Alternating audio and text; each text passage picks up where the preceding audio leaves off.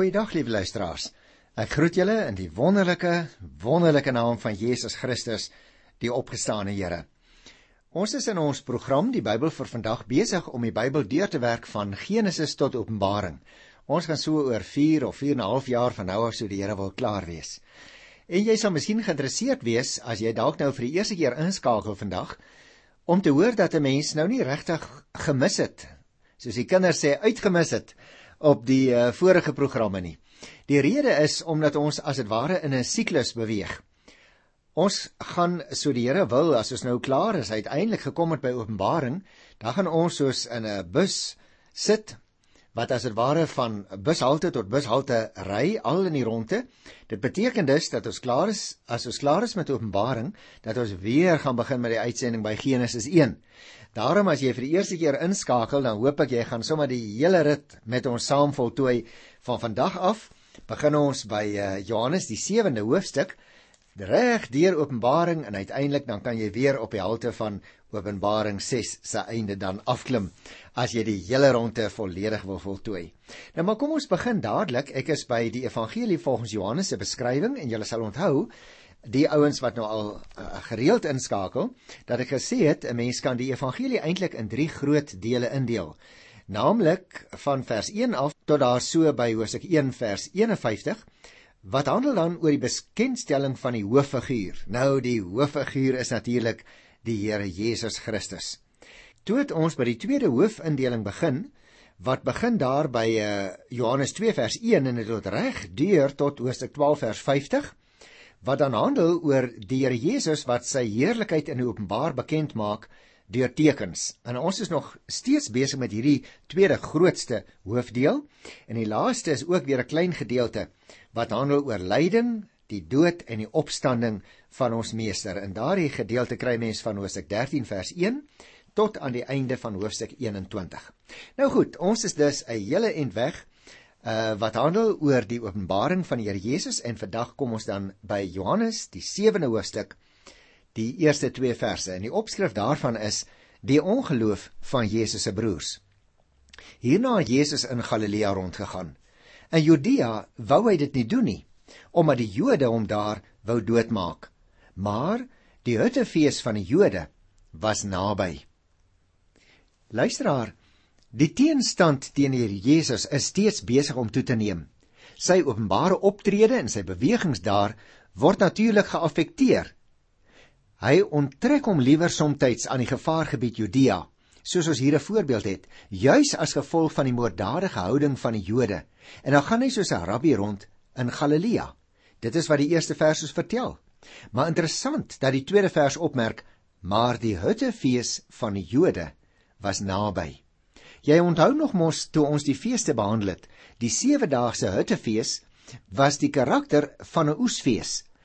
En tydens daardie fees was die Jode as dit ware besig met so 'n bietjie uitkamp. Mense kan dit dalk selfs noem 'n uitkampfees. Wanneer hulle in hutte wat hulle van takke en van blare gebou het gewoon het en om swerwing van Israel in die woestyn na die uittog uit Egipte land in herinnering geroep het. Dit herinner hulle ook terselfdertyd ook aan God se verbond met hulle. Jy sal nog onthou toe ons Levitikus 23 daarvan die 33ste vers bespreek het, sal jy juis hierdie aspek die Here wat 'n verbond met hulle het, van daar af onthou. Ons moet ook onthou dat die hele Hittefees eintlik in Levitikus 23 beskrywe word. Dit het in Oktober plaasgevind en dit was so wat 6 maande na die Paasfees waarvan ons in 'n paar programme vroeër in Johannes van vers 2 tot 5 gelees het. Nou tydens hierdie fees is die swerftog in die woestyn en dan natuurlik ook daarmee saam die Israelitiese verblyf in tente herdenk. Vers 3 tot 5 sê: Jesus se broers sê toe vir hom: "Gaan 'n bietjie hiervandaan na Judea toe, dat jou disippels daar ook in die wonderdade kan sien wat jy doen. 'n Mens wat oral bekend wil wees, doen nie iets in die geheim nie. Aangesien jy dan hierdie dinge doen, maak jou openlik aan die wêreld bekend. Selfs sy broers het nie in hom geglo nie. nou luisteraars, ek dink dit kom al reeds duidelik uit die opdrag wat hulle hom gee. Hulle sê maar gaan so 'n bietjie wye rond. As jy dan nou bekend wil wees, dan moet mense daarom nou nie so een in een klein hoekie doen nie, né? Jy moet as dit ware jouself propageer, jouself promoveer in moderne taal, né? Die Here Jesus se broer, so lyk dit vir my, meen dat hy sy wonderdade liewer in Jerusalem moet gaan doen, juis by die Hittefees. Want dan natuurlik, dan kan soveel meer mense dit sien. Hulle sien eintlik in hulle broer, hulle oudste broer, die Here Jesus, 'n baie goeie uitvoerproduk. Jy sien luisteraar, die ware messiaanse betekenis van die Here Jesus se menswording het op hierdie stadium nog glad nie na sy broers toe deurgedring nie. As 'n mens nou so 'n bietjie in groter detail kyk na hierdie paar verse, dan staan daar in die 3de vers dat sy broers vir hom gesê het: "Gaan 'n bietjie hiervandaan na Judea toe, dat jou disippels daar ook die wonderdade kan sien wat jy doen." Die Here Jesus se broers spoor hom dus aan om die Hittefees van die Jode te gaan bywoon en om dan ook sy wonderdade, so sê hulle self, aan die weiergroep disippels daar in Jerusalem tentoon te gaan stel. Sulke messiaanse wondertekens moes volgens hulle mening nie net in die onbelangrike Galilea so ver van die hoofstad Jerusalem afgedoen word nie. Om dus nou in Galilea te gaan werk, beteken om in die geheim te werk, volgens hulle. Aangesien die Here Jesus wondertekens wat hulle nou hier hierdie dinge noem, moet hy dit volgens sy broers openlik in die wêreld bekend maak. En daarom sê die 5de vers baie duidelik, self sy broers het nie hom geglo nie. Jy sien, sy broers leef eintlik onder 'n misverstand oor sy sending. Ja, hulle het definitief nie in hom geglo nie. Johannes is bang dat ons dit nie sal weet nie. Hulle besef dus nie dat die aard van die Here Jesus se sending onpopulêr moet wees nie. Hulle meen as hy dan werklik die Messias is, dan moet hy dit gaan toon aan die mense. Nou dit is natuurlik 'n baie tipies Johannese tekening van die mense onbegrip. Jesus is die Messias, maar veel groter as wat sy broers ooit kon verstaan. Die 6ste vers sê sy Jesus sê toe vir hulle: "Vir my het die tyd nog nie gekom nie, maar vir julle is enige tyd reg." Jy sien, Here Jesus is op pad na die tyd wat deur die Vader vir hom bestem is. Vir sy broers is enige tyd egter reg om na die fees toe te gaan. Jesus se Godgewilde omstandighede verskil hemelsbreed van die van sy broers. Sy bestemming strek by 'n fees verby. Daarom kan hy wel na die fees toe gaan. Maar anders as wat hulle dink, is dit eintlik maar net nog 'n stuk van die lansering van wie hy werklik is. Daarom is sy tyd tog nie daar nie, sê hy. In die 7de vers lees ons die wêreld kan nie vir julle haat nie, maar hy haat my omdat ek openlik verklaar dat sy dade sleg is. Die wêreld, luisteraars, haat die Here Jesus, hulle haat hom vandag nog omdat hy die mense van die wêreld oortuig van hulle sonde. Jesus is besig met 'n program om sy Vader bekend te maak, sy liefdevolle Vader en hy hou absoluut by sy God bestemde tyd. Hy gryp nie vooruit nie. Sy broers moet egter soos getroue Jode maar fees toe gaan. Hy sal op sy eie tyd by Jerusalem aandoen, by die Kobbie en Koppie, daar sal hy uiteindelik sterwe. In hulle ongeloof is sy broers natuurlik van die wêreld en daarom kan die wêreld hulle nie haat nie. Hulle dink, mag ek dit so uitdruk, Hulle dink as dit ware van onder af, totaal aards. Omdat Jesus egter volhou om openlik die slegte dade van die wêreld aan die kaak te stel, word hy met volgehoue haat deur mense beheer. Daarom staan daar ook in die 8ste vers: "Gaan julle maar fees toe. Ek gaan nie na hierdie fees toe nie omdat die tyd vir my nog nie reg is nie." O, Jesus raai sy broers aan om soos dit getroue Jode betaam fees toe te gaan. Alhoewel hy self ook daarna Jerusalem toe sou gaan, doen hy dit nie op hulle versoek nie. Hy neem nie opdragte van hulle nie. Jy sien, hy maak sy messiaskap op 'n eie persoonlike besondere manier bekend, nie volgens hulle ongelowige motiverings nie. Sy bestemmingsuur het sy eie gang wat vir hom wat die Here Jesus is geleë is. Hy reageer nie op hulle bevel nie. Die 9de vers dit het hy vir hulle gesê en hy het daar in Galilea gebly. Toe sy broers weg is, het hy volgens sy woord wat hy by die begin van die hoofstuk geuiter het in Galilea agtergebly. Nou kom ons by 'n deel waarvan die opskrif is Jesus leer die mense by die Huttefees. Die 10de vers sê: Nadat Jesus se broers na die Huttefees toe vertrek het, het hy self tog ook gegaan. Nie openlik nie, maar onopvallend. Jesus het gekom luisteraars om God se grootste geskenk in die geskiedenis aan die mense van die wêreld te bied. Hoekom was hy dan dikwels so onopvallend sou jy wou vra? O, ek dink in die eerste plek die Joodse geestelike leiers het hom gehaat en hulle sou natuurlik sy geskenk weier. Wat hy ook al sou doen of sê, hulle sou dit nie aanvaar nie. Maar tweedens, hulle sou selfs ook alles in hulle eie vermoë doen om die lewe vir hom so moeilik as moontlik te maak as hy dit sou durf waag op hierdie stadium om openlik te werk te gaan. Daarom kan ek verstaan. Daarom was dit vir hom noodsaaklik om volgens die goddelike plan te lewe en te werk, nie volgens menslike tydberekening nie. Een ding is egter seker luisteraars. Jesus sou ons in goeie Afrikaans kon sê, he is the talk of the town. Jy sien, wanneer hy gereed is en op die wyse wat hy verkies, naamlik nie openlik nie maar onopvallend sê ons teks vertrek hy self tog ook na Jerusalem. Hy het nie saam met die karavaan aantog gereis nie maar op sy eie. In die 11de vers kry ons nog inligting. Die Jode het toe by die fees na hom gesoek en gevra waar is hy? Nou luister as die Jode dit wil sê die vyhandige godsdienstige leiers het by die fees oral na die Here Jesus gesoek In die 12de vers onder die feesmenigte is daar baie oor hom gefluister. Baie mense het gesê hy's 'n goeie man, maar ander het gesê nee, hy mislei die mense. Jy sien die onderwerp van bespreking onder die feesmenigte by die Houtefees is natuurlik die persoon van Jesus. Party van die oningeligte feeskare besing sy dade deur hom 'n goeie man te noem terwyl party meen dat hy deur sy wondertekens en redevoerings die mense, so staan dit daar, op 'n dwaalspoor bring ten opsigte van die verwagte Messias. Vers 13.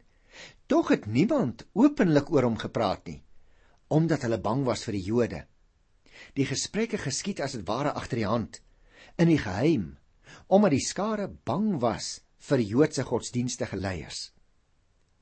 Ons moet onthou luisteraars, die Joodse geestelike leiers het baie mag oor die mense van daardie tyd gehad. Hulle kon nog nie in hierdie stadium openlik enigiets aan die Here Jesus doen nie. En daarom het hulle die mense met dreigemente daarvan probeer weerhou om hom openlik te steun. Een van die, wat sal ek sê in aanhalingstekens, een van die strawwe wat later vir diegene wat bely het dat Jesus die Messias is, opgelees, was om uit die sinagoge geban te word. Jy kan gerus 'n oombliekie kyk Nou is ek 9 daar vers 22 en 23. Dit was dus 'n verskriklike ding wat met 'n Jood kon gebeur. Want so is hy natuurlik nie net kultureel nie, maar ook godsdienstig afgesny van sy eie gemeenskap. Die 13de vers vertel vir ons tog het niemand openlik oor hom gepraat nie omdat hulle bang was vir die Jode. En daarom wil ek ook oor hierdie versie waaroor ek nou net gepraat het nog ietsie by sê. Almal het oor hom gepraat. Maar niemand was in werklikheid bereid om later iets te sê toe hy verdedig moes word nie. Want almal was bang om na vore te tree. Vrees het mense se getuienis oor die Here Jesus gedemp op daardie stadium. Luisteraars, wie hulle dit gebeur vandag natuurlik nog. 'n Openlike Christelike getuienis kan iemand se posisie of sy gewildheid baie maklik in gedrang bring. Sommige mense dink altans so.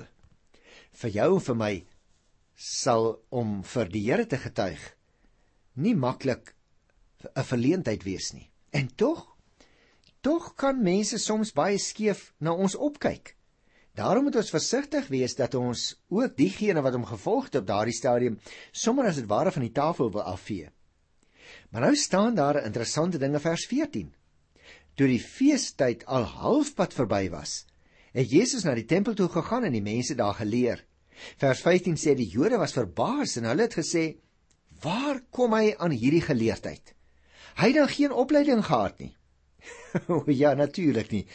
Op ongeveer die 4de dag, dit was nou die helfte van die feestyd, het Jesus openlik op die tempelplein verskyn om die mense te begin onderrig. Die meeste van die pelgrims moet ons onthou luisteraars was van elders na die fees. Hulle het ver gereis en hulle het die Here Jesus nog nooit hoor optree nie. Hulle was verstom oor sy geleerdheid staan daar. Nou watter geleerdheid sou dit wees? Sy geleerdheid in die skrif natuurlik, die Ou Testament. Want hy was tog nooit 'n leerling by 'n rabbi nie. Hy het saam met sy pa in 'n timmermanswinkel gewerk. En nou kan die mense nie verstaan nie, waar kry hy dan nou al hierdie geleerde dinge wat hy kwytraak? Jesus het vir hulle gesê, wat ek die mense leer, kom nie van myself nie, maar van hom wat my gestuur het.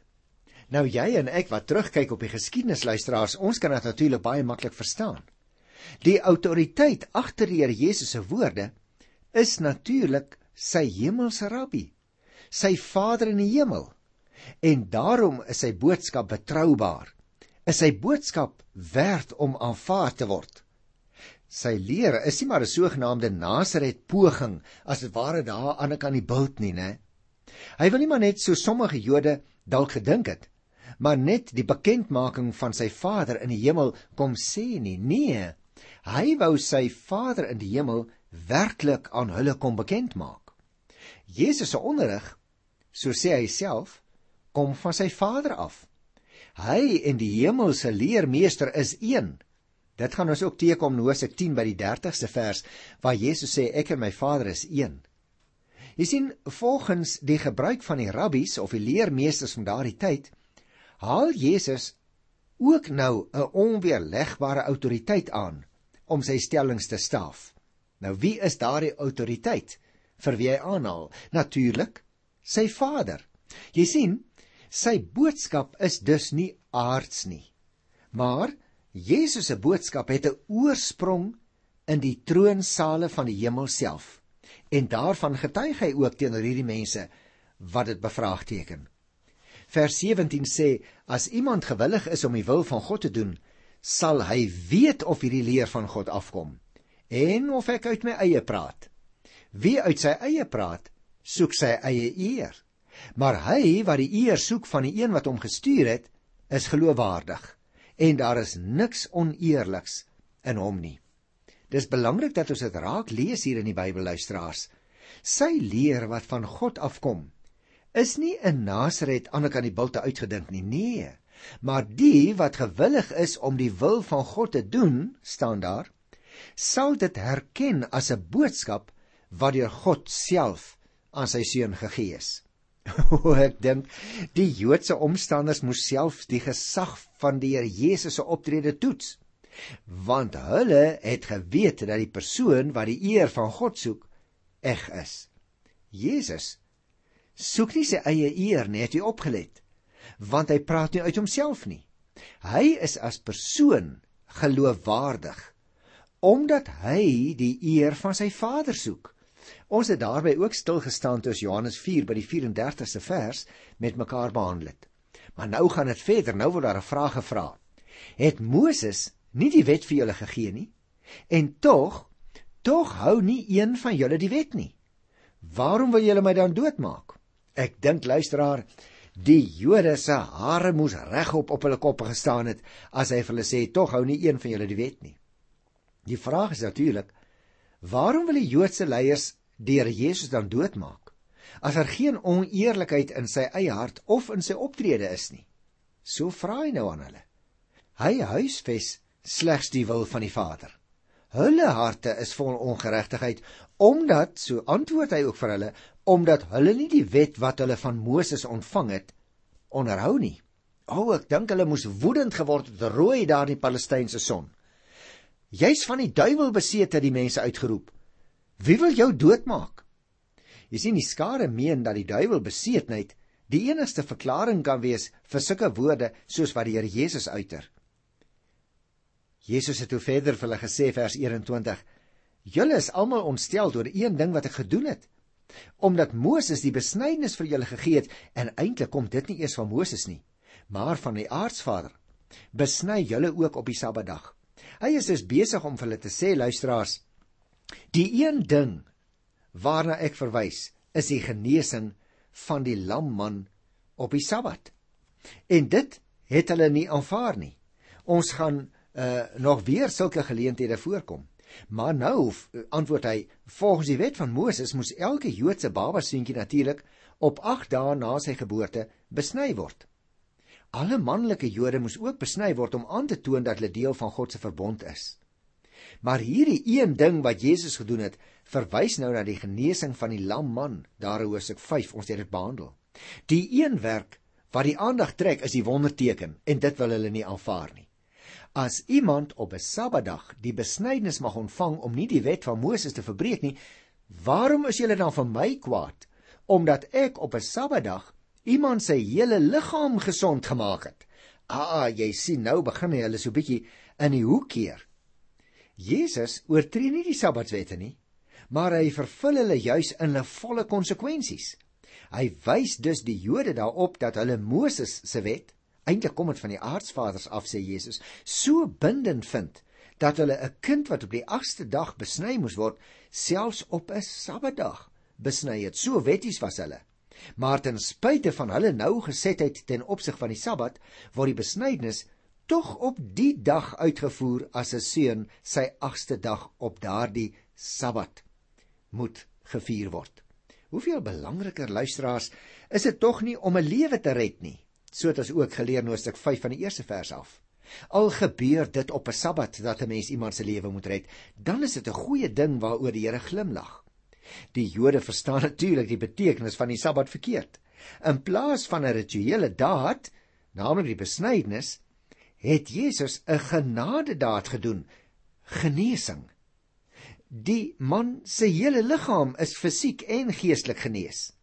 Die Jode moet billik wees en die Here Jesus se optrede ook in die regte perspektief sien, so sê hy in die 24ste vers. Moenie op die oog af oordeel nie. Oordeel regverdig. Hulle kan en wil dit natuurlik nie doen nie, omdat hulle soos ek net nou vir jou gesê het, hulle dink eintlik van onder af. Daarom luisteraars wil ek hierdie eerste 24 verse van Johannes 7 net kortliks so saamvat. Die een ding waarna die Jode hier verwys, is juis die genesing van die man op die Sabbat. En dit wou hulle nie aanvaar nie.